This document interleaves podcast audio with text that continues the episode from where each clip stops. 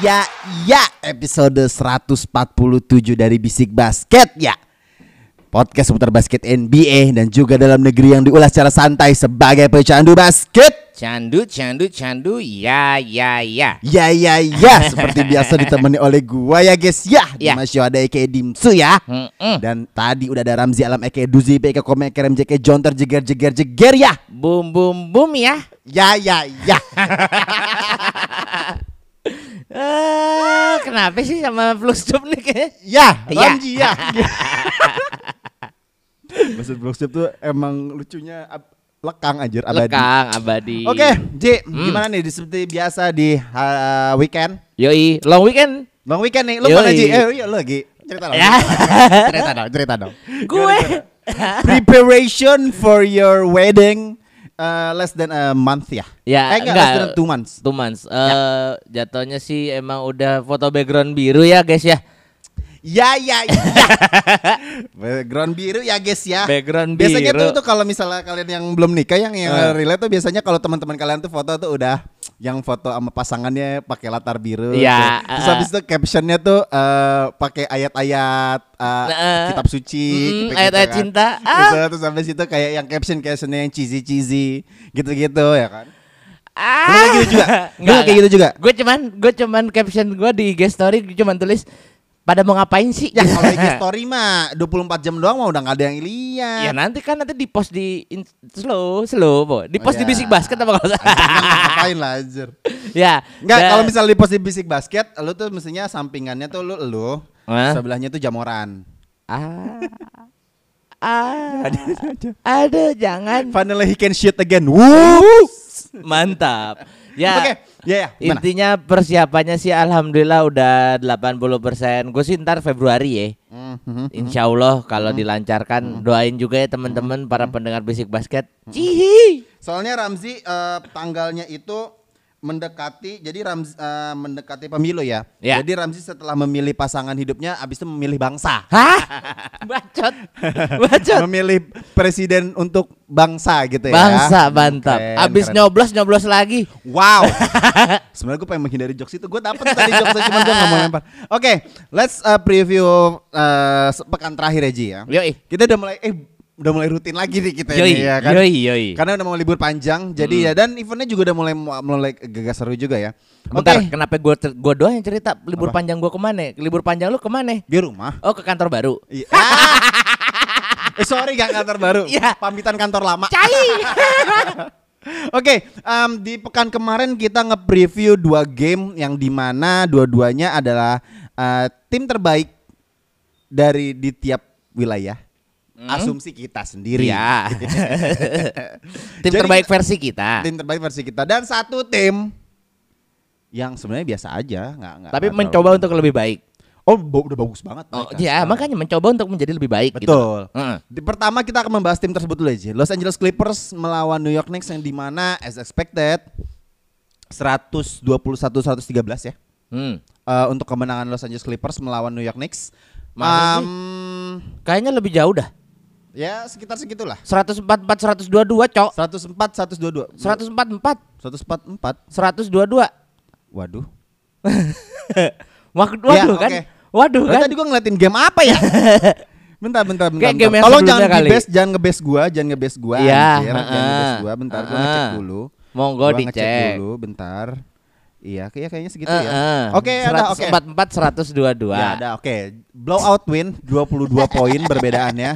Gue sih nggak mempermasalahkan hal tersebut ya karena memang gue udah yakin bahwa Clippers bakal memenangkan pertandingan melawan Knicks karena they're they're on fire. Maksud Ya. gua kayak ke- di episode sebelumnya kita udah bilang bahwa mereka mereka lagi bagus tuh. Kalau nggak salah mereka tuh melawan kemenangan melawan Knicks ini mereka tuh 8 winning streak ya. Ya, 8 winning streak. Hmm. Eh after 9 winning streak gue lupa Clippers lawan siapa terus kak snapnya tuh Oh, di lawan ini OKC. Enggak, justru snapnya di OKC. Iya, snapnya di OKC. Iya, after 9 winning streak gitu. Iya. Nah, jadi Kalahnya sama OKC. Oh, karena di pas lawan OKC, setahu gua Kawhi hand manajemen ah, gila aduh S S-nya mantap ya banget nih.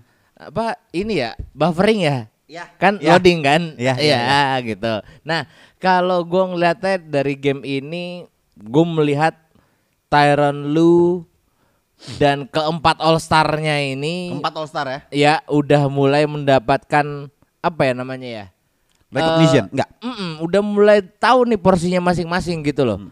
Kayak Russell Westbrook juga udah mulai ya udah gua udah gua akan gue tuh ingat banget sat- salah satu quotesnya dia yang paling dia yang paling apa ya? Yang paling gue suka dari dia adalah Ya. gue lebih seneng ngeliatin orang lebih baik gitu loh. Siapa? Katanya sih gitu. Kata siapa? Russ. Russell Westbrook. Ah, itu kan katanya doang. Stat lain tidak tidak Iya. Tapi gue membuktikan kok. respect sama Russ. Iya, Respect, gue respect. respect banget sebenarnya sama Russell Westbrook di mana after all the ups and downs ini gitu loh dia masih tetap percaya diri apalagi waktu dia di Lakers menurut gua itu nightmare-nya dia sih intinya. Iya, iya. Gitu da- dan maksud gua ya udah keep getting better dan Uh-uh. menurut gua ya udah lu lu harus tahu role lu aja gitu loh. Hmm. Itu. Dan kalau misalnya dari Knicks-nya sendiri gue pengen kayak gue pengen bahas bakal banyak bahas di yang game keduanya Oke, sih yang pas oke, lawan oke, Lakers-nya oke, oke. sih. Nah, eh ya gue juga sebenarnya nggak terlalu banyak pengen membahas yang melawan Clippers ya karena em gue tuh berharapnya bahwa at least tidaknya Knicks nggak nggak terlalu jauh lah untuk untuk eh, bisa melawan ke kedikdayaannya dan momentum yang momentum baiknya Clippers gitu. Ya. Tapi kayaknya mungkin ada suatu dan lain hal yang menurut gua uh, it seems didn't work pas melawan Clippers karena gue juga uh, nonton tipis-tipis gamenya bahwa eh offense yang dilakukan oleh Clippers menurut gua beyond imagination untuk saat ini gitu loh. Ya. Eh, ada salah satu faktor yang menurut gue dan mungkin para para pendengar bisik basket melihatnya bahwa gua nggak tahu ya, gue merasanya bahwa Clippers itu kalau secara emosional, secara tim, secara chemistry itu tuh benar-benar minus 10 gitu. Oh iya. Ya karena egonya tuh banyak banget Iya, gitu iya loh. sih. Tapi gue melihatnya bahwa sekarang ya lu bayangin aja James Harden kemudian terus habis Kawhi Leonard dan Paul George dan kemudian ada Russell Westbrook gitu loh. It seems work sekarang karena emang Russell Westbrook mungkin ber- starting from the bench gitu. Ya. Tapi untuk Cloud dan juga PG yang udah lama di situ dan ditambah dengan Harden yang mungkin seems uh, I don't know nggak nggak nggak nggak akan match gitu. Tapi gue pas ngeliat game itu kayaknya kan ada satu momentum yang di mana ke Kawhi itu ada ada perform apa ada kalau nggak salah ada e- ada alley abis itu apa dang gitu kalau ada transisi gitu ada transisi offense. Terus kayak Harden tuh seems kayak wah kayak memberikan reaksi yang berlebihan banget gitu loh. Oh yang Jadi- ini ya, yang yang pas dia Eurostep bukan sih? Yang Eurostep itu kan. Nah, Jadi menurut gua kekhawatiran gua terhadap chemistry itu se- seakan-akan udah sirna gitu loh. Iya. Apalagi dengan karena kombinasinya udah asik banget. Melihatnya Harden adalah salah satu scoring yang bagus, kemudian Harden adalah general apa sorry, eh Ras adalah sebagai general lapangan yang mungkin bisa ngelit. Yang kita tahu dia kalau misalnya coming from the bench dia bisa taking over dan kemudian juga PG yang sebagai second scorer bisa diandalkan dan ditambah Kawhi dengan defensifnya yang sangat bagus banget. Jadi Iya. menurut gua ini udah sangat uh, perfect banget ham- perfect banget untuk uh, Clippers. Jadinya kalau menurut gua tinggal lebih di-upgrade lagi menghadapi tim-tim yang uh, bisa mengimbangi mereka Iya. at crucial moment mereka harus kayak gimana. Jadi menurut gua semuanya itu butuh proses tapi mereka tuh bener-bener udah melihatkan progresnya yang di atas ekspektasi orang-orang. Ya. Dan lu tahu nggak sih positioning dari Russell Westbrook itu reminds me of Russell Westbrook saat di OKC gitu loh. Iya. Di mana surroundingsnya ya yang biasa-biasa aja.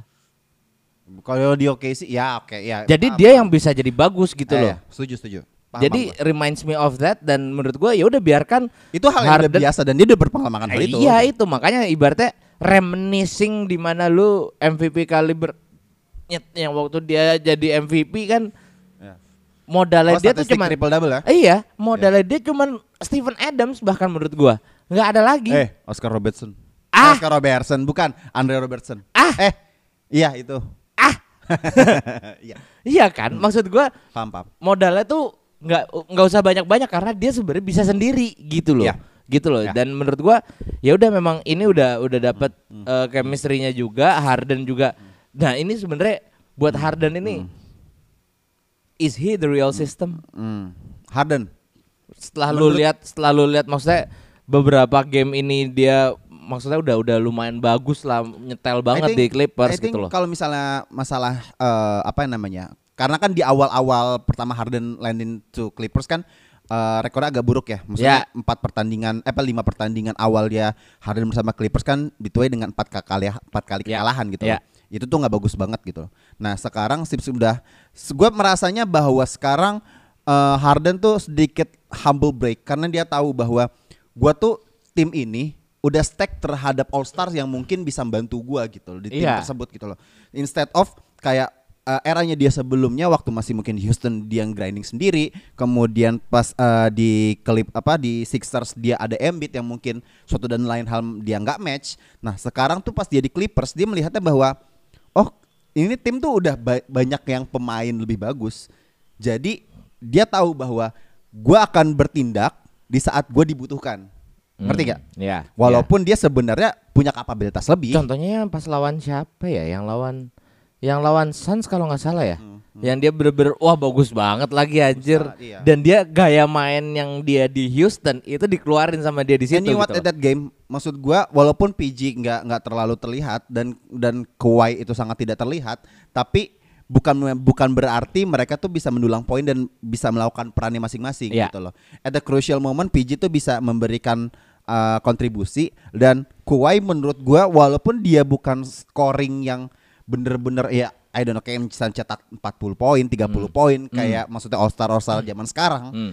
Tapi kuncinya adalah ini kita kita ta- kita menghadapi kita tahu bahwa ini tuh pemain defensive player of the year gitu loh. Yeah. Lu jangan lupa dia selalu leading in in steals dan juga beberapa beberapa pattern defense-nya dia tuh bener-bener udah di level all star. Jadi Yeah. menurut gua ini tuh udah perfect combination di mana lu punya three pointer yang bagus, punya guard yang bagus, punya juga oke. punya general ibaratnya pemimpin di uh, bench juga bagus dan juga lu punya uh, defensive player yang oke oke banget gitu. Jadi Iya. menurut gua Tyloo ini udah sangat diuntungkan dengan aset-aset di, di- di tim yang dia milikin gitu. Jadi Kalau gua- kalau misalnya eh, apakah kita bisa mengambil kesimpulan if Tyloo nggak dapat championship maka dia adalah failure. Dia Uh-uh. Tyloo-nya adalah failure. Nah, masalahnya adalah gua kan kemarin di eh, kemarin kita sudah sempat bahas bahwa it's all about ego. Kalau misalnya nanti di playoff at the crucial moment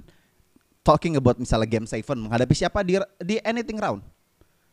Siapa yang akan mengambil karena tiga pemain kayak Clow, kemudian PG dan juga Harden pasti akalan itu bakalan chaos banget gitu loh. iya. Nah, makanya menurut gue di di regular season ini menurut gua Harden udah taking over his ego jadinya dia agak agak nurunin. Tapi kita nggak Ya. tahu nanti di playoff akan seperti apa karena mereka Ya. sekarang kalau nggak salah di, di peringkat 4. Jadi menurut gua dengan momentum yang sangat bagus banget menjelang All Star break, menurut gua itu harus dijaga lagi. Nah, nanti kalau udah di gaspol setelah All Star break, Nah, kita nggak tahu nih kayak Ya. gimana. But gua akan still uh, LA Clippers untuk saat ini, untuk saat ini lebih tim yang paling bagus di LA sih. Setelah LA Dodgers. udah dapat Otani lagi. Shohei Ohtani, let's Shohei go, Ohtani. let's go. Mantap, mantap. Oke, Ya. kalau buat Nick sendiri ya ya ya udah gitu. Udah kita langsung langsung ngomongin Sangat menjelaskan. Aja lah anjir. Sangat menjelaskan. Ya. Against Lakers di beberapa hari setelahnya ke, eh, Los Angeles Lakers kalah eh, menghadapi New York Knicks kalau nggak salah 104 eh 109 114. Ya. Beda-beda tipis. Eh, ini menjadikan rekornya Oh, iya iya, oke. menjadikan rekornya Lakers itu se- setelah game lawan Knicks itu tuh dari empat pertandingan tiga kekalahan. Ya. Ya menurut lu aja deh Ji Gimana menurut lu aja dah Gua gak akan ngomongin Knicks dulu deh Kan yang penting IST-nya kan. Ya History. Banner bro Banner, Bro. History, ya kan? Ngomongin banner belum sih kemarin? Udah, Belum. udah, ya, udah, ya. bannernya dia agak gimana meruncing gitu. Heeh. Bahwa Terus gua kalau ngeliatin kolom komentar di di, di sosial media tuh lucu-lucu banget Terus ada yang bilang kan Banner uh, in season turnamen Terus habis itu gue ngeliatin beberapa komennya tuh ada yang bilang gini Kobe will punch in an A right now in the grave Anjing banget mulut-mulut itu Nggak. Mulut-mulut netizen tuh Brengsek brengsek anjir ya makanya despite of the, these things tapi menurut gua ini menunjukkan bahwa eh, ini yang gua harapkan ya. Ya Di saat eh apa ya? regular season mereka yang sangat sangat tidak terlihat i- konsisten. Oh mereka undefeated loh di season turnamen Hmm, makanya. Nah, itu gua gua ini take dari gua eh, Oke. absurd Oh take lu belum dari pernah gua. nih ngasih hot take nih Ah, Ini gimana? absurd take lah bisa dibilang absurd take bukan Bistik, bisik Ya. basket take Ya. Bistik Ya, boleh. Bistik. Nah, Lakers Mm-mm. akan sangat berbahaya ketika nanti udah di playoff. Udah itu aja. Jadi menurut gua regular season biarin aja dia inkonsisten bodo amat. Tapi ketika ada udah masuk ke do or die matches gitu loh ibaratnya. Aduh, Iya, iya. kaget gua. Iya, maaf ada kucing gua nih. Jadi di saat do or die matchesnya ini justru mereka akan sangat-sangat terlihat ini loh mental juaranya gitu loh Iya, dengan udah menjuarai in season turnamen. iya kan? Jadi Dan- sebenarnya jadi kalau misalnya kalah tuh jadi nggak ada kalau misalnya terhempas di playoff tuh nggak ada masalah ya. Ya ini bukan failure lah kita in season turnamen bro. lima ratus ribu ya kan di kantong ya enggak lumayan kan daripada Ya, ya. kalau kita kan cuma berharap dari event ngasih lima ratus ribu nah tapi maksud gua ini menunjukkan bahwa apa ya sis- Ya. sisi kompetitif mereka tuh akan ada pas nanti udah Hmm. udah do or die match gitu loh di mana ya sekarang belum nanti aja lihat aja ntar pas di playoff gitu loh ibaratnya kayak Ya. gitu Eh, itu akan menjadi maksudnya kalau regular season kan eh, kalau lu misalnya melihat bahwa eh, di tiap pertandingannya Lakers sepanjang regular season apalagi on the road game itu tuh terkadang ada salah satu eh, pattern dari Darvin Ham untuk nggak memainkan eh, AD dan LeBron secara bersamaan gitu. Hmm. I don't know itu mungkin karena mungkin untuk menjaga eh, durability-nya LeBron sendiri ataupun AD juga untuk tindakan precautions ya. Ya. Karena kan kita tahu bahwa eh, kita melihatnya AD itu kan emang injury prone banget ya. Ah. Tapi since sekarang udah sepanjang 30 pertandingan dan mungkin udah hampir 40 ya dihitung dengan in season turnamen ya.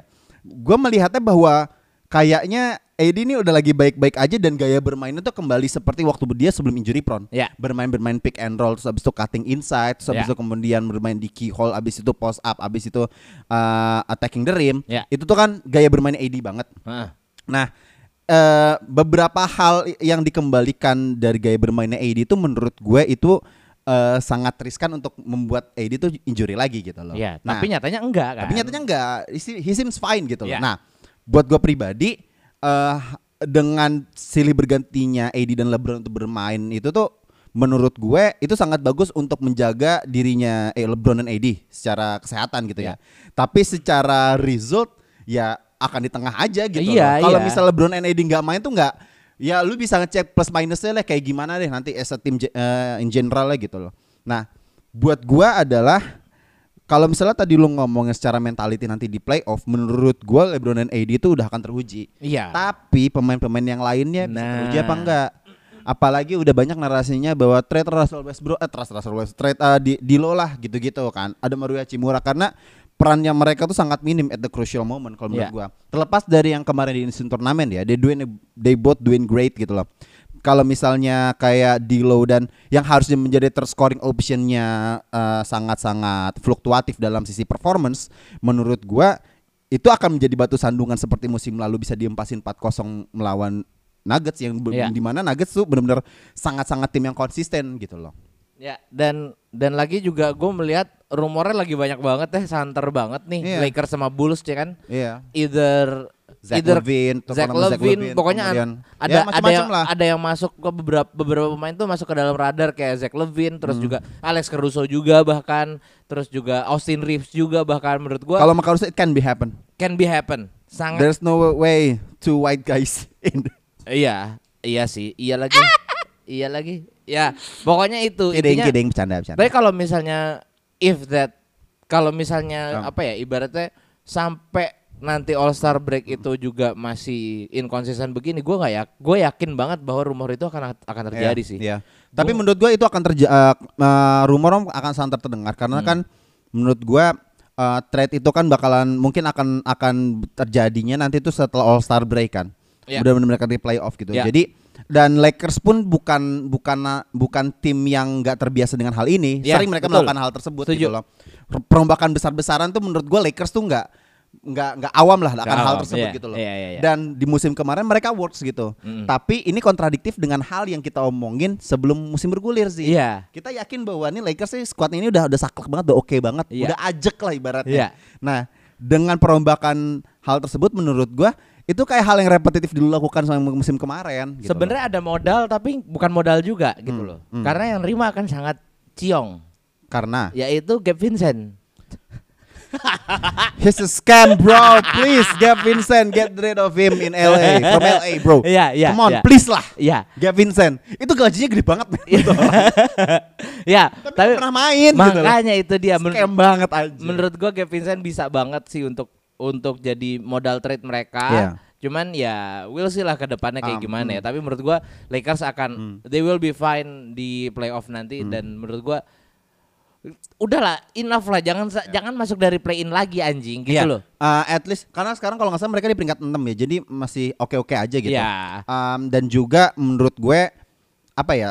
skemanya bermain udah oke dan juga ya ya kan kalau masalah secara unit pemain kan menurut menurut kita kan rotasinya dari Vietnam udah oke banget nih. Mm. Tapi kalau menurut gua there is no better player untuk di posisinya di lo saat ini. Ngerti gak sih lo? Iya, iya Kalau iya. menurut iya. gua Zach Levine pun juga nggak nggak oke-oke banget gitu Heeh, menurut heeh. gua. Jadi kalau menurut gua as a, as a, uh, two way player gitu ya, maksud gua yang dalam artian in both offense dan defense menurut gua Dilo tuh udah oke gitu. Iya. Kalau Zach Levine tuh menurut gua offense doang, offense-nya defense-nya aja, biasa defense-nya biasa aja Iya. dan dan menurut gua Zach Levine tuh tipe yang alpha, ngerti gak sih? Iya. Kalaupun mau ngambil Caruso juga nggak nyampe segitunya. Iya, kalau misalnya lu ngomongin talking about defense, menurut gua lu masih bisa ada pemainnya kayak Max Christie yang Iya. masih muda, masih oke. Austin Reeves juga masih oke gitu Iya. loh. Masih ada Cam Reddish dan Iya. juga Vanderbilt yang masih oke gitu. Jadi buat gua urgensinya untuk nge-trade Dilo tuh menurut gue nggak terlalu penting, nggak Iya. ada gitu loh. Itu hanya kayak apa rasa lapar akan pengen menangnya ego pemain fan LA aja menurut gue. Iya lagi. Iya iya iya iya iya. Iya iya. Setuju setuju. Give a Dilo a chance gitu maksudnya. Ya. Dia, dia kan baru baru masuk musim kedua nih. Hmm. Ya walaupun ya dia udah di NBA udah lama banget gitu loh. Tapi setidaknya di performa di musim pertamanya dia tuh nggak buruk-buruk banget. Mm-mm. Makanya setelah mereka juara instant turnamen setidaknya udah modal bagus secara mentality yang Ya. di mana bebannya nanti di playoff tuh eh, di momen krusial yang di mana momen sesungguhnya ya dia bisa nunjukin gitu. Ya, setuju, setuju, Kayak setuju, gitu. setuju, setuju, setuju. Oke, em, topik topik selanjutnya. Ya, ya, ya, ya, ya, ya, ya, ya, ya, ya, ya. Ini lucu banget sih aja tapi kayak gua gua nggak tahu lu udah lu baca lu ketawa apa enggak sih? Apa? Shaq Fifth the best center of all time versi yang ESPN perdebatan itu lucu banget sih. Lu pasti para para iya, praktisi iya, iya. basket lu pasti tahu ya kalau misalnya lu nonton ESPN First Take eh, Stephen A. Smith terus sama satu lagi aduh eh, Jay Will Nah, terus habis sama satu lagi eh, eh, analis dari ESPN tuh mukanya tapi mirip kayak Skip Bayless gitu. Iya, iya, iya, tahu, tahu, tahu. Kayak gue ngetit dia bilang "E ESPN kenapa nyari orang yang mirip Skip Bayless abis itu take-nya tolol lagi gue kayak Shaq fifth best center of all time setelah Karim, setelah Wilt, setelah Moses Malone, setelah uh, Ula Juwan, abis itu baru Shaq. Lu iya nggak? Karena Shaq udah ngasih jawaban. Menurut lu dulu. Ntar abis itu menurut gue, abis itu menurut siapa Shaq. aja? Empat di atas saya? Ka- Karim, Karim, Wilt, Wilt, uh, Moses Malone, Moses Malone. uh, Ola Juwan, habis itu Shaq. Yang ketiga ini kenapa Moses Malone ya? Eh, gue masih nggak setuju lagi nih sampai ketiga nih. Sih nggak setuju lah, gue juga lah. Kenapa mau Moses dulu Malone nih, itu mau gua dulu nih. Iya iya dulu iya. ya, gua dulu ya. Iya iya. Menurut gue gini, Shaq one of the best center in uh, of all time. Udah Iya. lah, itu udah Iya, ada pasti betul, lah. betul. Se- Second apa namanya second scoring leader of all time, Hmm. ya kan? Uh, punya longevity yang bagus banget. Uh, kemudian dua di ada Wilt. Ya. Kita tahu Wilt salah satu pemain yang Lu mungkin naruh Shaq nomor satu. enggak, Oh, enggak. Enggak maksudnya Karim oh satu. ya Karim satu ya oke. Dua, ntar gua Ya. akan taruh Shaq di Ya. mana. Dua adalah uh, Wilt menurut Nah. gua agak setuju. Gue Ya. setuju kalau Wilt. Karena uh, dia cuman salah satunya pemain ya walaupun dia cuman dua cincin juara, Ya. tapi dia salah satu pemain yang punya rekor yang akan terpecahkan sampai sekarang kita ya, 100 ya, poin di ya, NBA betul, satu betul. game. Bisa Oke? dipecahkan cuman di Dan- 2K. Iya. Iya. ya lo kalau bisa main tuh kayak apa my player ya? Iya, my player. lo bisa, oke. Bisa. Nah, kalau yang ketiga nih menurut gue sebenarnya gue mau mendapatkan satu satu center yang di mana ya lu akan ngebase gue sih pasti ya. Gue pengen naruh Patrick Ewing cuman gak mungkin juga kan. Enggak, Tapi- gua lu ngomong gua bakal ngebes lu gua kirain lu bakal naruh Clint Capella nyet sumpah lu gua bener gua gedik lu. Nah, anjir gue gak tolol-tolol banget udahlah. Gue akan menaruh ya mungkin sebenarnya kalau misalnya center banyak banget ya maksudnya dalam artian pada era tersebut tuh Shaq itu Yes, kan Shaq yes. itu kan uh, late 90s ya dia kan.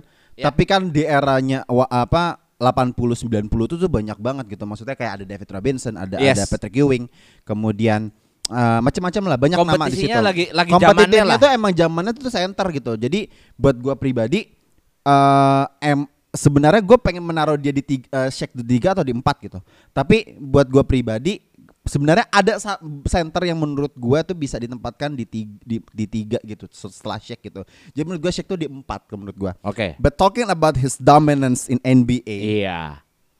Shaq tuh bisa peringkat satu gitu loh. Iya, iya. Talking about dominance. Tapi ini balik lagi masalah selera. Ya. Yang di mana uh, semua uh, punya definisi masing-masing terhadap center itu akan seperti apa. Ya, betul. Ya kan? Nah, buat gua pribadi dengan tes yang gua lebih suka center yang konservatif, ya lo Hmm. tau gue lah, Ya. lo tau lah, gue suka yang yang yang center yang konservatif yang yang footworknya bagus, yang bermain bully ball. Ya. Makanya gue seneng banget kalau misalnya gue melihat Embiid tuh emang dia salah satu-satunya center yang masih punya nilai-nilai tradisional bermain basket gitu loh. Tapi Nggak- juga- seperti kayak Jokic sekarang yang udah sangat-sangat modern gitu Tapi juga ada modernisasinya juga gitu ada loh. modernisasinya juga dan dia eh, dia dia bisa improve ke tradisionalannya Berarti dia gitu. berarti retro center kali ya, Retro, retro, ya, iya, lebih- gayanya lebih- retro.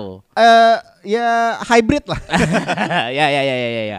Aduh, kayak work policy gitu, hybrid. Berarti kalau lu kan Gitu. lebih Kalau gue suka sih misalnya tempatnya di tiga kalau nggak di empat gitu loh. Iya, karena lu lebih suka konservatif berarti Iya. jam 9 malam kamu pulang. Betul. Ah. Siang saksikan engkau lanjut. Hmm.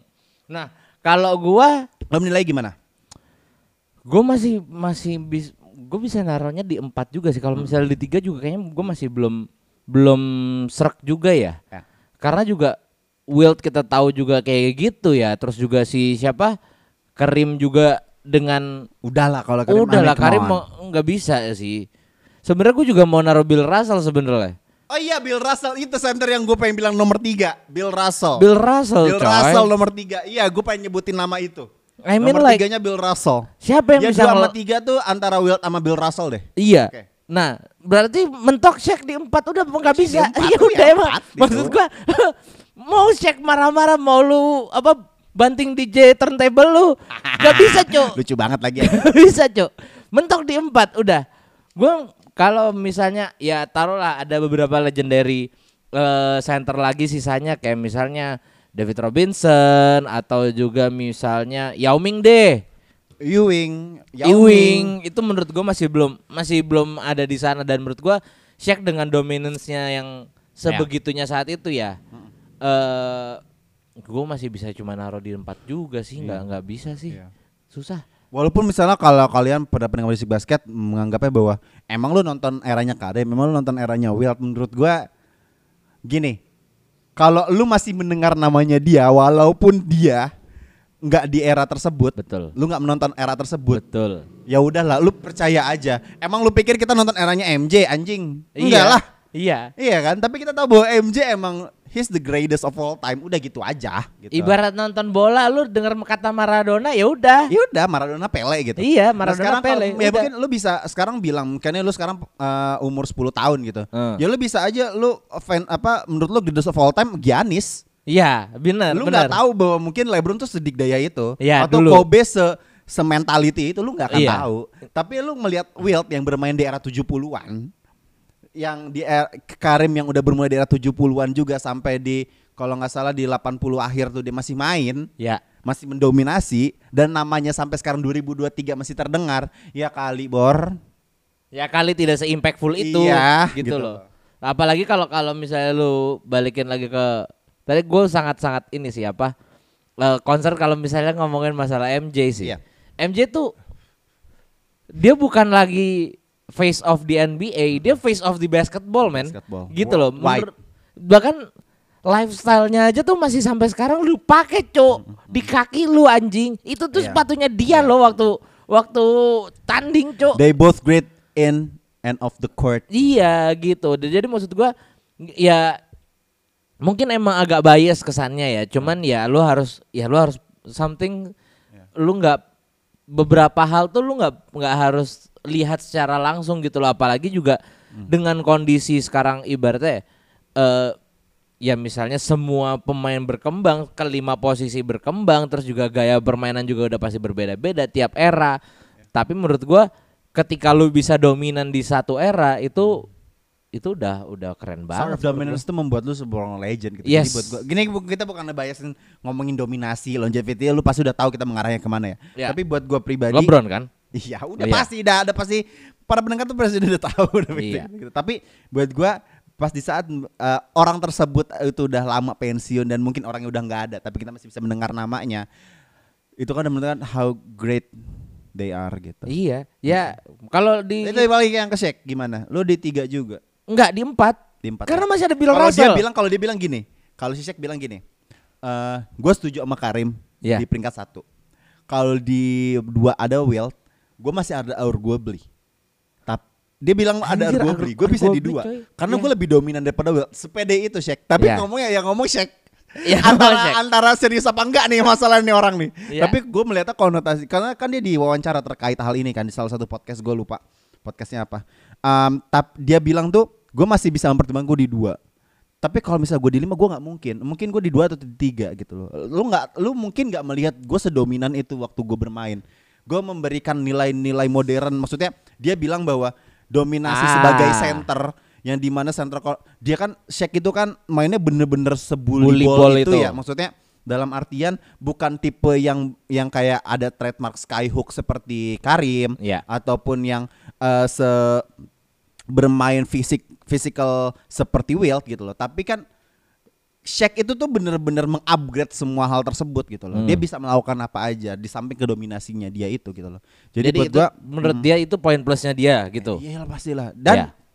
ngomongin cincin, dia empat kali juara instead of Wilt dua kali gitu. Hmm, yes. Tapi kan akan selalu ada ada ada argumentasi di mana bahwa uh, Karim kalau misalnya talking about rings gitu, Karim bisa enam kali juara. Kemudian Wilt juga cuma dua kali, Shaq empat kali gitu loh. Kalau patternnya kita ngambil juara ya wajar aja. Misalnya dia di dua atau tiga, Bill Russell 11 Lu mau geser Karim sama Bill Russell?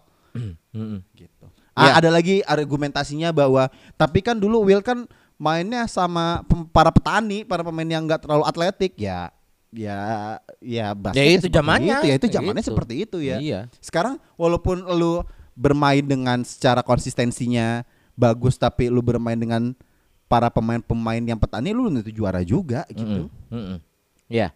Dan kalau Shaq sih gue masih nggak tahu gue masih masih belum bisa melihat dia di gue nggak sepede itu untuk menaruh dia di dua atau di tiga gitu loh.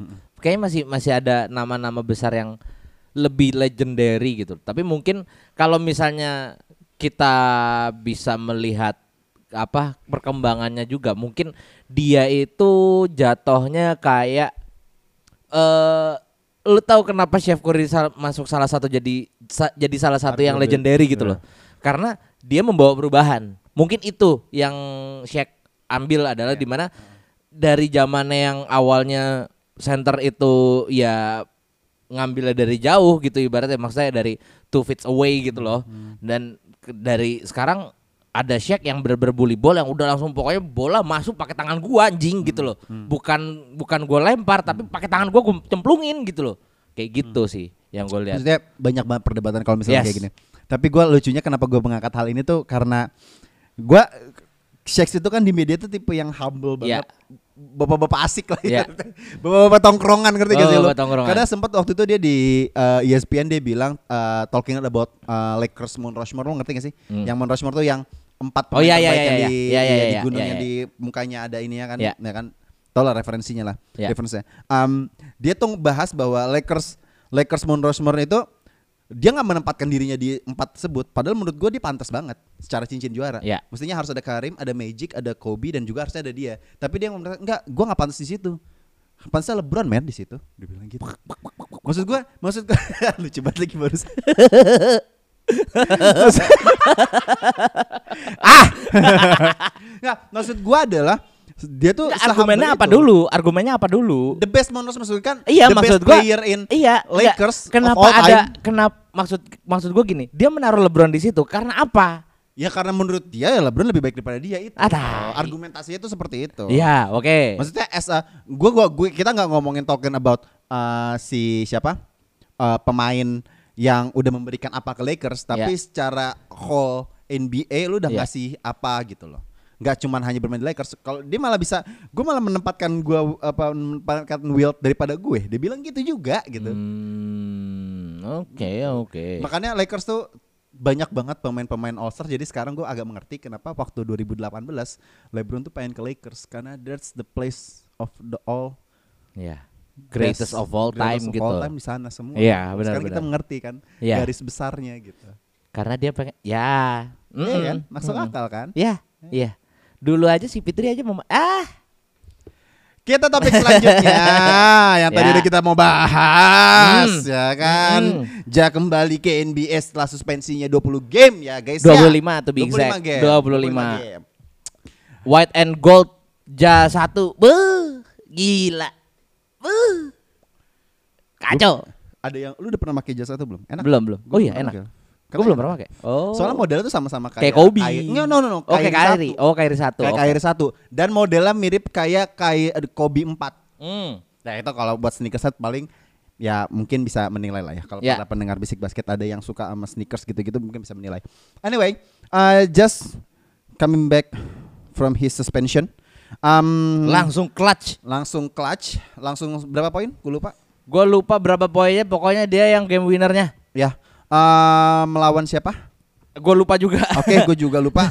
Tapi ini adalah alarm positif untuk uh, Memphis, Memphis Grizzlies, ya, karena mereka saat ini lagi di peringkat 13 wilayah barat, yang di mana ini sangat bertolak belakang dari beberapa musim sebelumnya, yang di mana mereka mendominasi bisa di peringkat 2, bisa di peringkat 3, Ya. papan atas lah setelah ketinggal uh, kehilangan di Jamoran dan juga Dylan Brooks nggak ada, jadi membuat uh, Memphis Sebentar. Sebelum sebelum lu dilanjut, Mhm. gue masih kesel. Kenapa Memphis Grizzlies bikin tribute video ke bapak satu itu anjing? emang ada ya? Ada tribute videonya waktu Houston ke sana. Di- dibuatin video apa tribute videonya. Iya. Videonya yang mana? Yang joget-joget begini nggak? Ada dikit. Tapi maksud gua kayak kenapa Dylan Brooks? Iya. Dia tuh dia tahu sebenarnya posisi evil apa villain di NBA itu semakin dikit ya dia mengambil hal itu.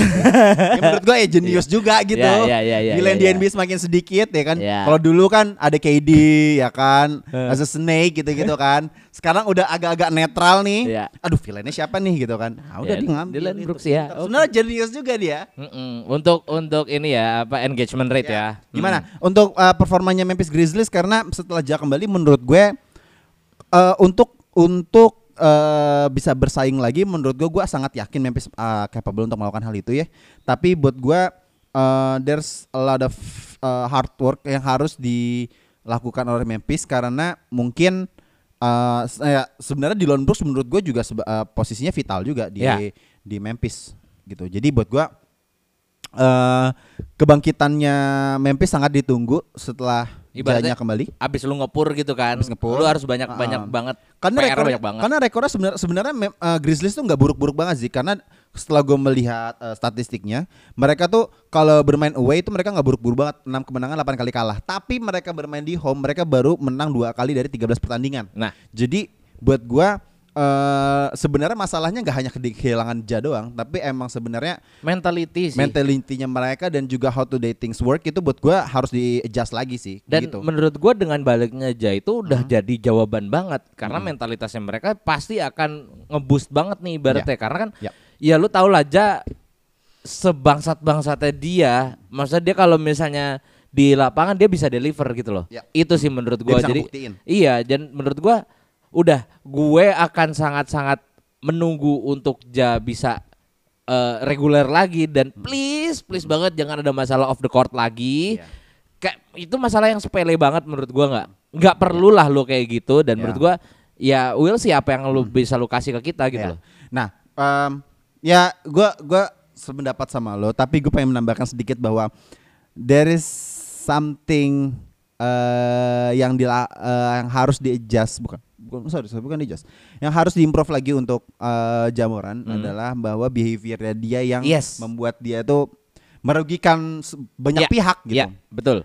Tapi gue pengen in- eh, pengen memberikan suatu masukan bahwa di sana udah ada Derrick Rose yang di mana bisa menjadi mentornya dia dalam bersikap. Iya lagi, gua kaget loh. Gua kaget yang yang nge-introduce dia lagi tuh Derrick Rose-nya. Iya. Gue kira Makanya gua menurut kira gua, gua- I menurut gua Gue kira awalnya tuh JJJ Iya, anjir. Iya, iya. Uh-uh. Tapi ternyata Derrick Rose yang kayak ya welcome back. gitu. Anjir. Iya, iya, iya, iya, iya. Lu lu udah dapat mentor yang bagus Iya, nyet. iya, iya, iya. Please deh. Lu harus banyak aduh, ini menurut gua aja makanya makanya nih Ja bakalan eh, De- Diros bakal jadi mentor aja sih. Iya, menurut gua. iya, iya. Menurut gua eh, walaupun mungkin Diros nggak di nggak nggak udah ya menurut gua berharap Diros untuk eh, banyak bisa berkontribusi terhadap tim yang dia bela saat ini menurut gua udah nggak akan su- udah sulit. akan sulit banget lah. Tapi buat gua he's gonna be a good mentor untuk Ja yang di mana em, Ja ini timnya sangat muda gitu eh, para pemainnya yang di mana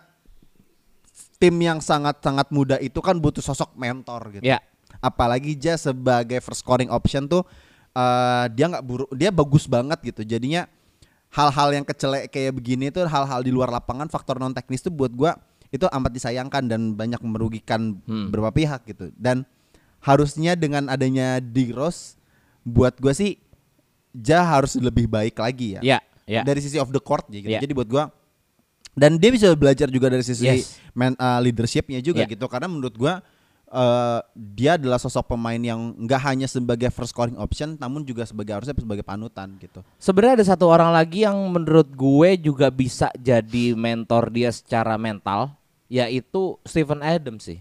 Jujur, jujur gue melihat Stephen Adams tuh, lu pernah gak sih ngeliat orang yang eh, kayaknya positive vibes mulu gitu? Iya. Itu di Stephen Adams, Hmm. menurut gue. Jadi dia gayanya, wow, udah serem banget ya kan? Tapi kalau dia sama teammates-nya, dia akan he will do everything gitu loh. Maksud gue zaman-zaman dia bareng sama Russell Westbrook, dia bener-bener bisa nge-provide apa pun. Ingat nggak ada ada satu play dia waktu sama Russell Westbrook eh si Stephen Adams itu eh sengaja untuk miss free throw untuk kasih ke Ya, Russell ya, Westbrook tahu, itu. tahu, tahu. Dan menurut gua hal seperti itu tuh juga maksud gua gini, secara mentor, secara mental lu tuh udah ada. Hmm. Jadi tinggal balik lagi ke janya sendiri, lu mau nggak untuk jadi lebih baik, jadi nggak se goblok dulu gitu loh. Gue bener-bener bilang goblok sih karena menurut gua kesalahan-kesalahannya dia Unnecessary banget. ya. unnecessary dan nggak penting banget dan nggak perlu gitu loh. Jadi mak- maksud gua lu udah udah dapet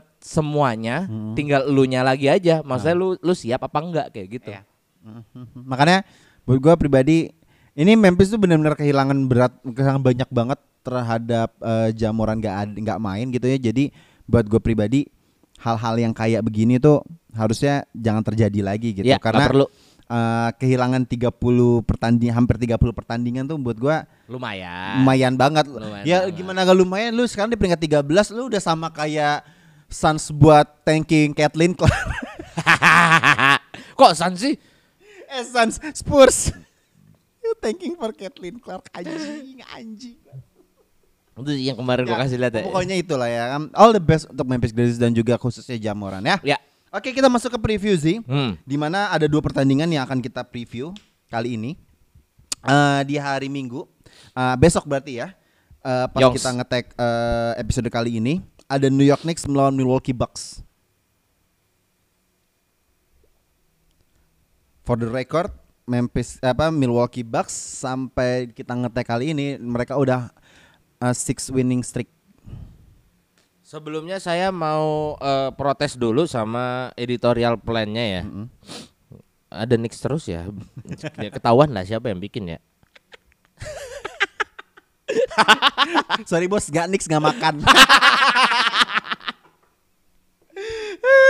Kalau gua sorry bos kan kalau kita kan menaikkan awareness. Iya. Ya masa lu mau ngomongin Piston yang udah 26 kali kalah, ngapain? Ya ya ya ya ya. Ya. Ayo, mau ngapain? Ini akan menjadi game yang sangat tricky sih. Hmm. Menurut gua dengan inkon gua masih melihat Damian Lillard walaupun gua tahu gua pas kemarin kan gua ngevote All Star ya. Gua ngeliatin si Damian Lillard nih oh ternyata eh, statistiknya Hmm. mentereng juga ya. Nah, Ya iyalah, it's a Dame bro. Iya, tapi maksud gue gak gak apa ya nggak bener-bener yang ke spotlight banget gitu loh.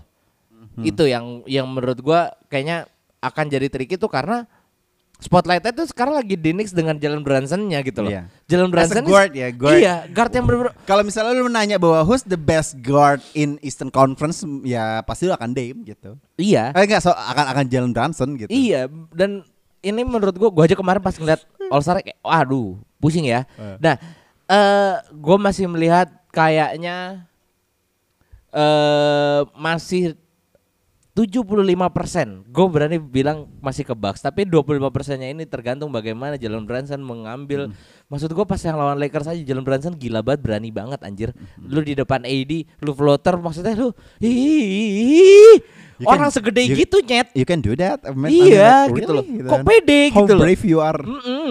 Kok pede ya gitu Iya. loh Dan menurut gua Jalen Brunson Masalahnya nih- tuh eh, ngefloaternya tuh dia nabrak, ngerti gak sih lu? Bukan yang menghindar jauh kayak fadeaway betul, gitu loh. Betul.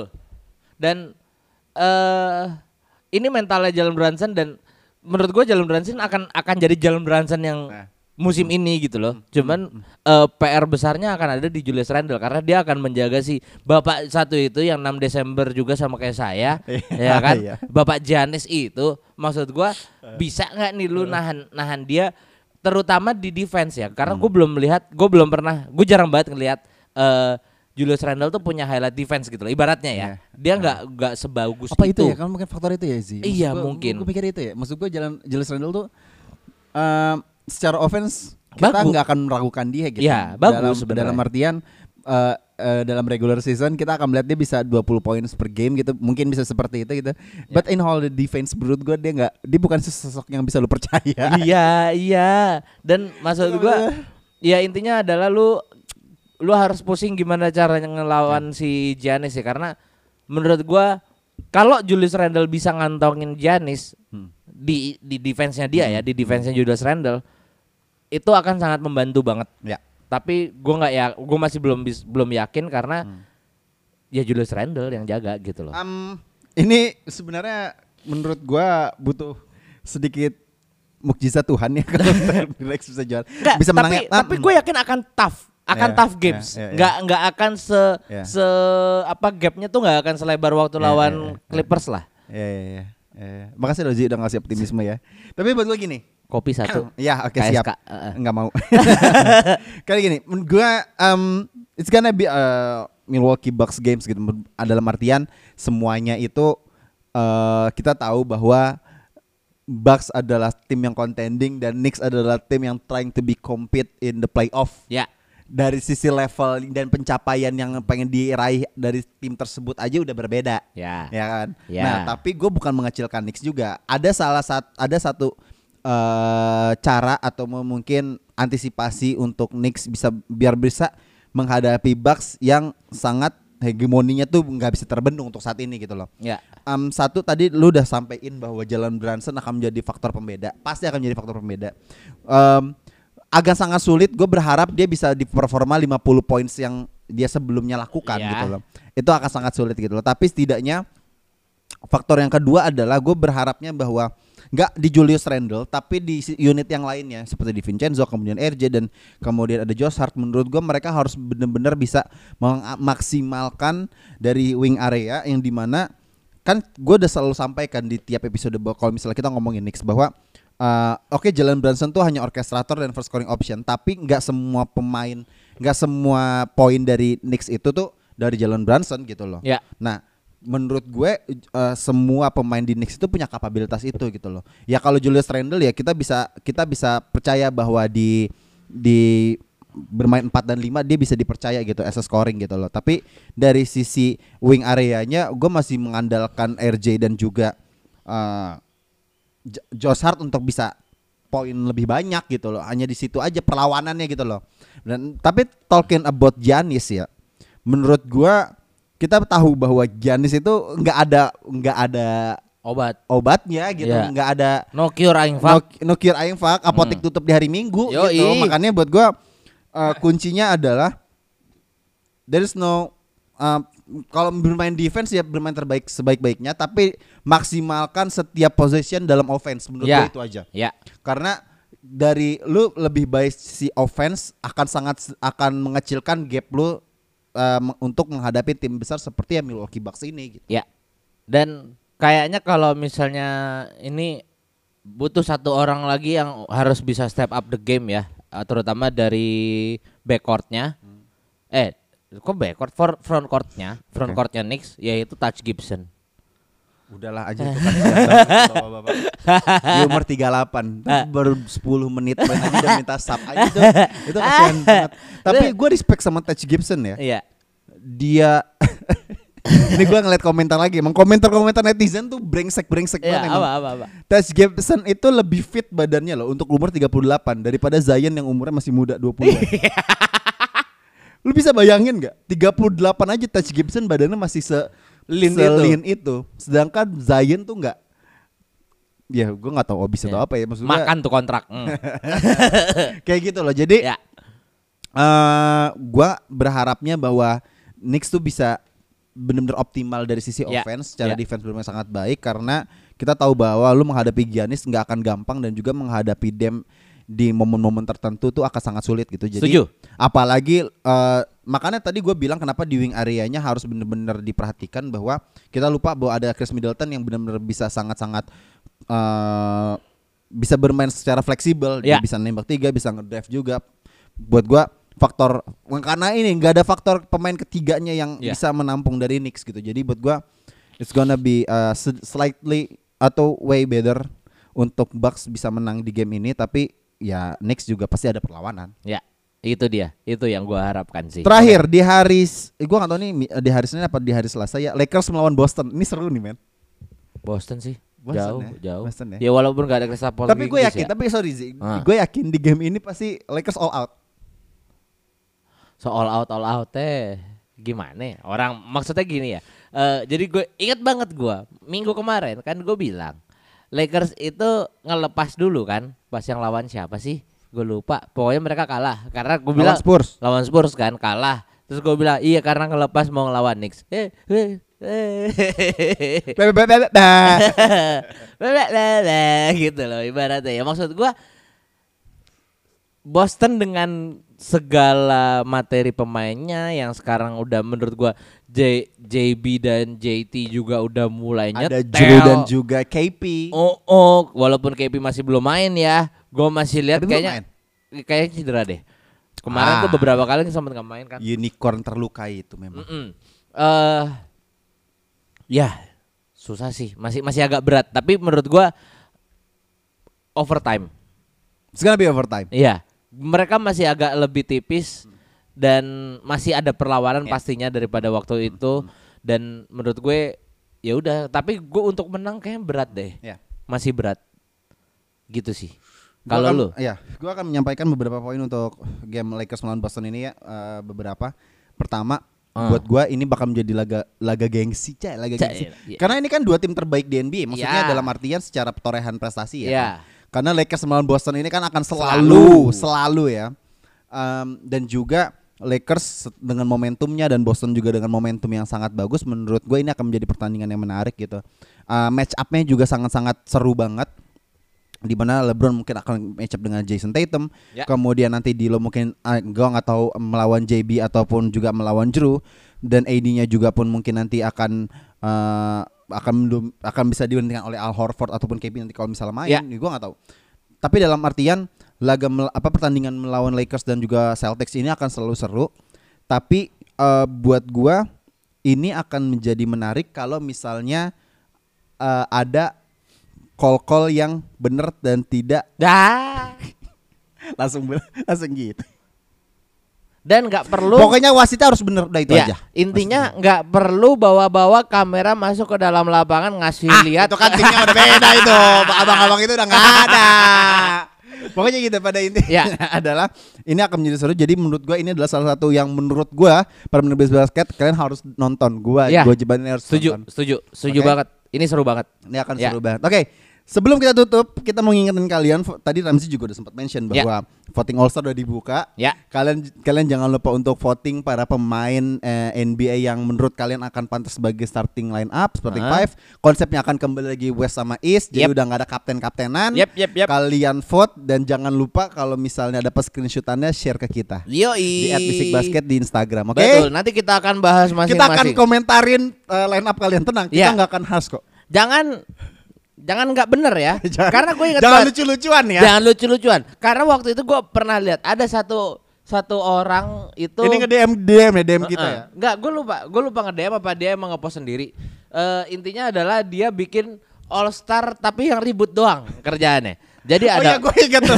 Wah itu anjir lah. ada Marcus Smart, ada Draymond Green, ada Ben Simmons ya kan, terus ada siapa Tolong lagi lah tuh? yang bener lah, yang Eh, bener jangan lah, yang yang, bener jangan lah. kayak gitu ya. Jangan gitu lah, yang udah, bener. udah. Ya yang menurut kalian oh ini worth it. Iya. Oh ini sepertinya karena menurut gua Terutama terutama ada Pat Bev di di line up lu ya. Ya, itu gua sangat mau, nggak mau. ya. Nggak ada Pat Bev, nggak ada Dylan Brooks tolong Ya, jangan. Karena jujur eh yang paling berat adalah guard dari West.